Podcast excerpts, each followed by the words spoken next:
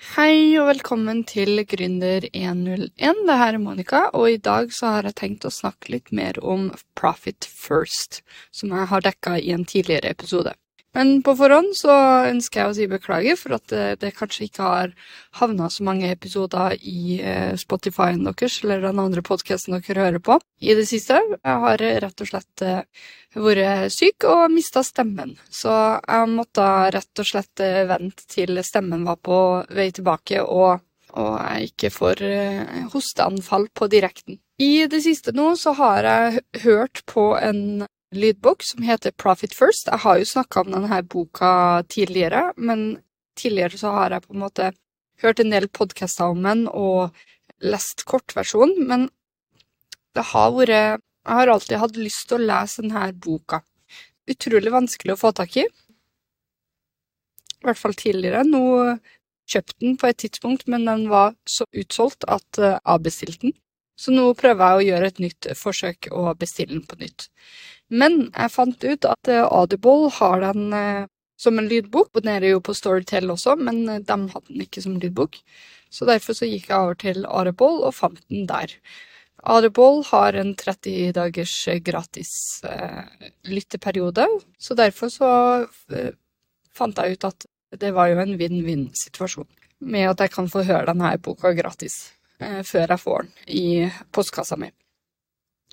Og basert på det jeg har lytta om, da, hadde jeg jo tenkt at jeg hadde lyst til å ta opp den tråden igjen med Profit First, fordi at jeg syns det er såpass god metode å bruke i hverdagen og i bedriftslivet sitt for å på en måte slippe å stresse med penger. For hele den metoden passer jo på at det er penger til overs på bankkontoen din hver eneste måned og hver eneste kvartal og hvert eneste år. Sånn at når du avslutter regnskapsåret, så går det alltid i pluss.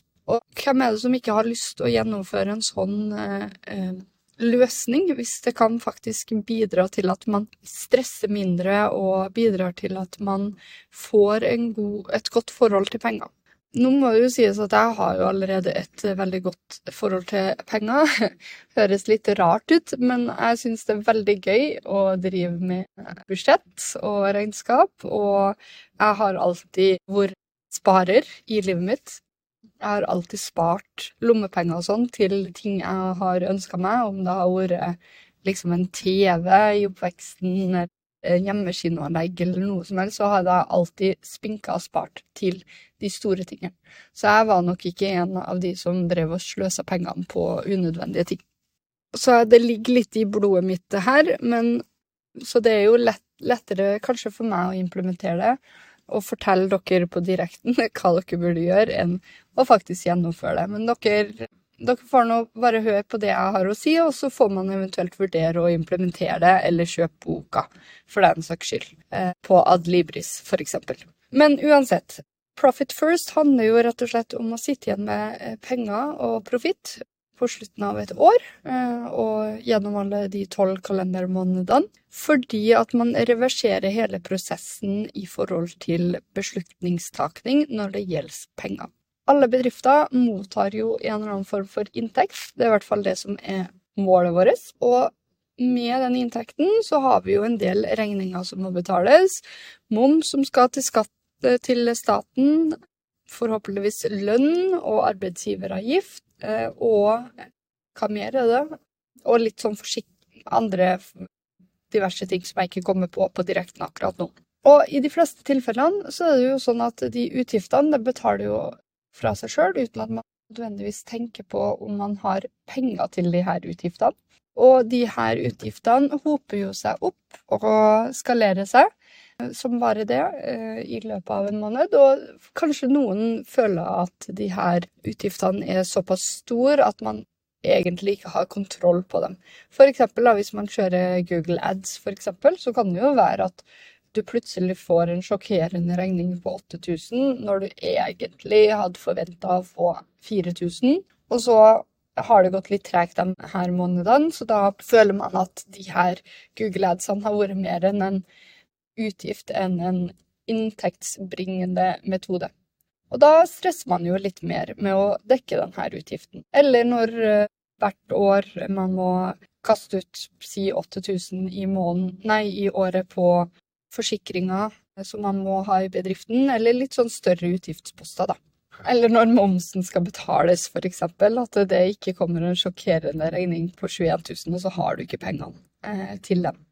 Så hele profit first-metoden handler rett og slett om at man skal ta forhåndsregler mot de her tingene, og sette av de her pengene på ulike kontoer som du har oppretta i banken din.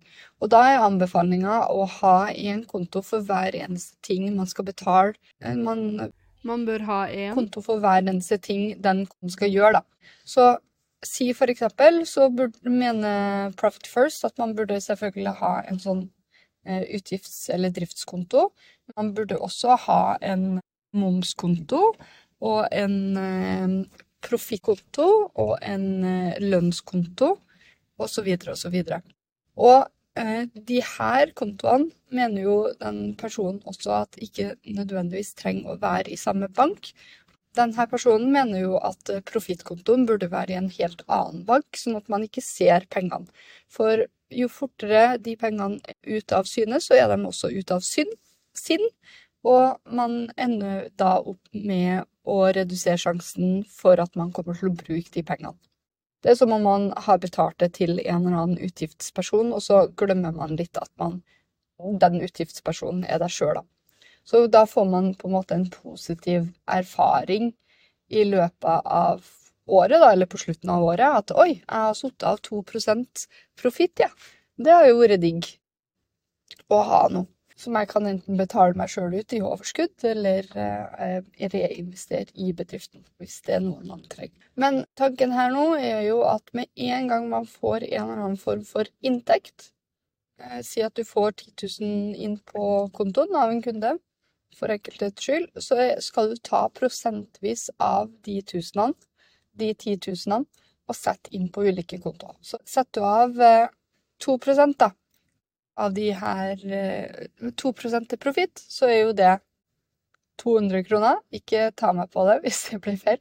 Og er det eh, Setter du av 40% til lønna di, da, eller si 50% til din lønn, så vil jo det bli 5000 inn på lønnskontoen. Og så setter man av eh, 25% til moms. Da blir jo det 2005 inn på momskontoen, og så setter man resten inn på utgiftskontoen for å kunne betale løpende utgifter som, eh, som kommer. Og så tenker dere sikkert ja, men Monica, hvordan vet jeg at jeg har nok penger til å betale alle utgiftene mine da? Jo, for det er det som er hele clouet her. Man skal ikke bruke penger Ifølge denne metoden skal du ikke bruke penger som du ikke har.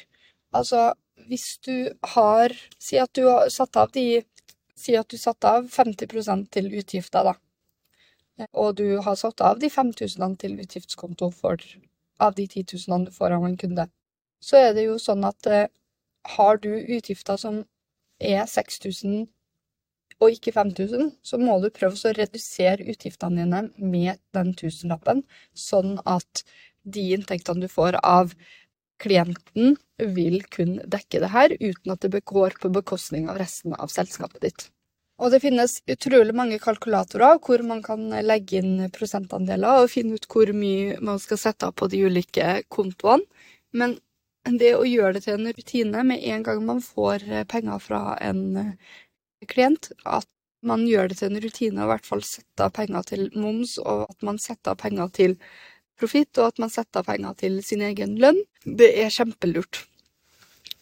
Og så er det jo sånn at eh, her i Norge så er det jo sånn at du må også sette av penger til arbeidsgiveravgift. Den er lurt å sette av overfor på en konto, og man burde sette av penger til eh, feriepenger. Fordi plutselig, når jeg holder på å betale meg sjøl ut penger nå, så er det ingen plasser folio sette av de feriepengene. Og det blir veldig kjipt når jeg skal betale meg sjøl feriepenger i juni, og så har jeg endt opp med å bruke opp de pengene på andre ting og anna ræl. Det blir utrolig, utrolig kjipt. I tillegg så er det jo lovpålagt å gi ut feriepenger til de ansatte, så hvis du ikke tar, tar hensyn på at eh, de ansatte skal ta ut de feriepengene, så kommer du til å slite mm, juridisk hvis du ikke har de pengene sorte av til den personen.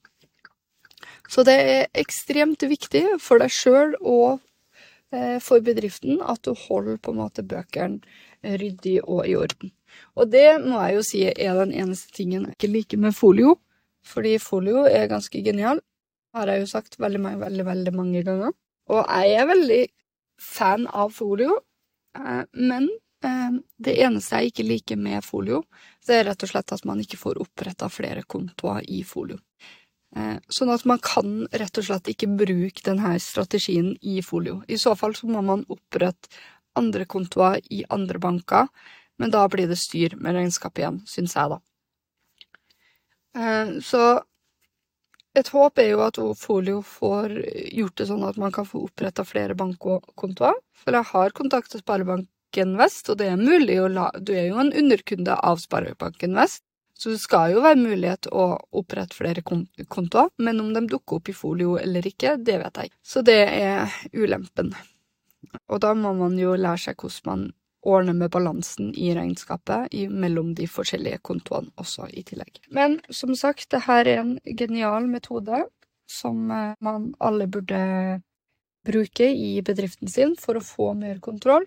Og ved å ta denne kontrollen med en gang, så jeg er ganske sikker på at man slipper å tenke over nattesøvnen sin på det her noe mer. Og så kan det jo være at du har en regnskapsfører som tar seg av alle regnskap og sånn, men jeg mener jo fremdeles at det burde være en mulighet til å få med regnskapsføreren også på denne ideen. Um, og kanskje eventuelt få regnskapsføreren til å sette av 2% av profitten inn på eh, en konto for deg. Da slipper man i hvert fall å krysse fingrene og håpe at man går i null. Og så kan det jo også være en fin eh, metode å bruke for å finne ut Oi, eh, jeg har jo den kontoret som skal betales, og jeg har en eh, bilregning som skal betales, og jeg må betale for strøm og ditten og datten. Det her blir altfor mange utgifter i forhold til det jeg kan gi meg sjøl ut i lønn og gi meg sjøl ut i profitt. Ja, da må man jo prøve å finne ut hvordan er det man øker eventuelt inntektene for å reflektere de utgiftene som eh, man har. Um, samtidig som man ikke øker utgiftene, selvfølgelig. Så det kan jo også Profit First kan jo også være ment Eller kan være en god idé å bruke for en slagplan for å uh, um, finne ut hvordan man skal skalere bedriften. For det er ikke noe vits å skalere en bedrift som påtar seg ekstremt mye gjeld, hvor man sliter med å dekke alle regningene og får kreditorer på, på nakken. Da er det bedre å skalere i rolig tempo eh, og ha muligheten til å gjøre det med glede enn eh, med frykt for at man ikke kan få denne bedriften til å overleve. Og det, et eksempel da, før alt det, kan jo være denne Twitter-oppkjøpet som Elon Musk har gjort. Før så var det jo sånn at eh, Twitter var, hadde jo så enorme, enorme utgifter med alle de ansatte de ansatte, og koden og ikke nok inntekter på plattformen. De var jo, hadde jo egentlig hovedfokuset deres var jo å skalere plattformen, og så tenke mer på inntektene senere, når de har fått skalert denne plattformen. Men det her har jo skalert så fort de fikk jo aldri kontroll på de inntektene. Og deres ønske, eierne, var jo heller da å selge produktet og tjene penger på det ved å selge eh, produktet, eller SAS-plattformen, eh, enn å prøve å fokusere på å gjøre den her profitabel. Men Elmesk har jo andre planer. Hans, og det er jo derfor han jobber så hardt og lager veldig mange uvenner i selskapet. Det er jo fordi at hans mål er å gjøre Twitter eh, profitabel. Og hvis han klarer det, så er det jo ganske utrolig. Eh, for det er veldig mange selskaper der ute som går i underskudd hvert eneste år, men som klarer å få tak i penger fra investorer og sånn. Men en Det går jo til en viss grad, men etter hvert så kommer investorene til å si nei. Eh, og da er jo spørsmålet hva gjør man da? Jo, man prøver å selge den, men selskapet. Men det er ikke nødvendigvis sånn at folk har lyst til å kjøpe et selskap som går med ekstremt mye underskudd heller. Så det er lettere å selge enn eh, et selskap som går av. Ja, det var ranten min eh, for i dag. Jeg har på langt nær dekka alt som, som han dekker i boka, så det anbefales å lese den. Eh, han kommer med veldig mange rørende historier, og noen morsomme historier også. Og den er ganske lettleselig og lettfattelig. Og hvis dere ender opp med å kjøpe boka, men ikke klarer å vente, så hør på lydboka. Det er ikke alltid man greier å få med seg alle de detaljene som er på en lydbok når man snakker om økonomi og penger og tall, men eh, man får i hvert fall med seg helheten. Og så er det jo bare å gå inn på Google og søke opp eh, Profit First Calculator, så finner man veldig mange forskjellige kalkulatorer der ute som man kan leke seg med. Og da Alt går jo i dollar, så jeg later jo bare som at de dollartegnene er norske kroner.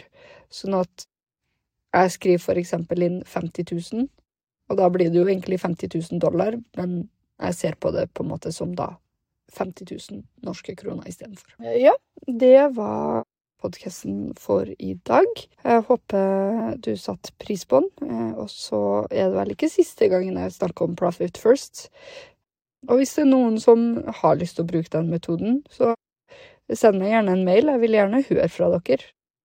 Det er veldig gøy å høre fra folk som har lytta til denne podkasten også. Den er god. Da snakkes vi i neste episode, og så skal jeg prøve å skjerpe meg med jevnligheten og frekvensen på de her podkast-episodene.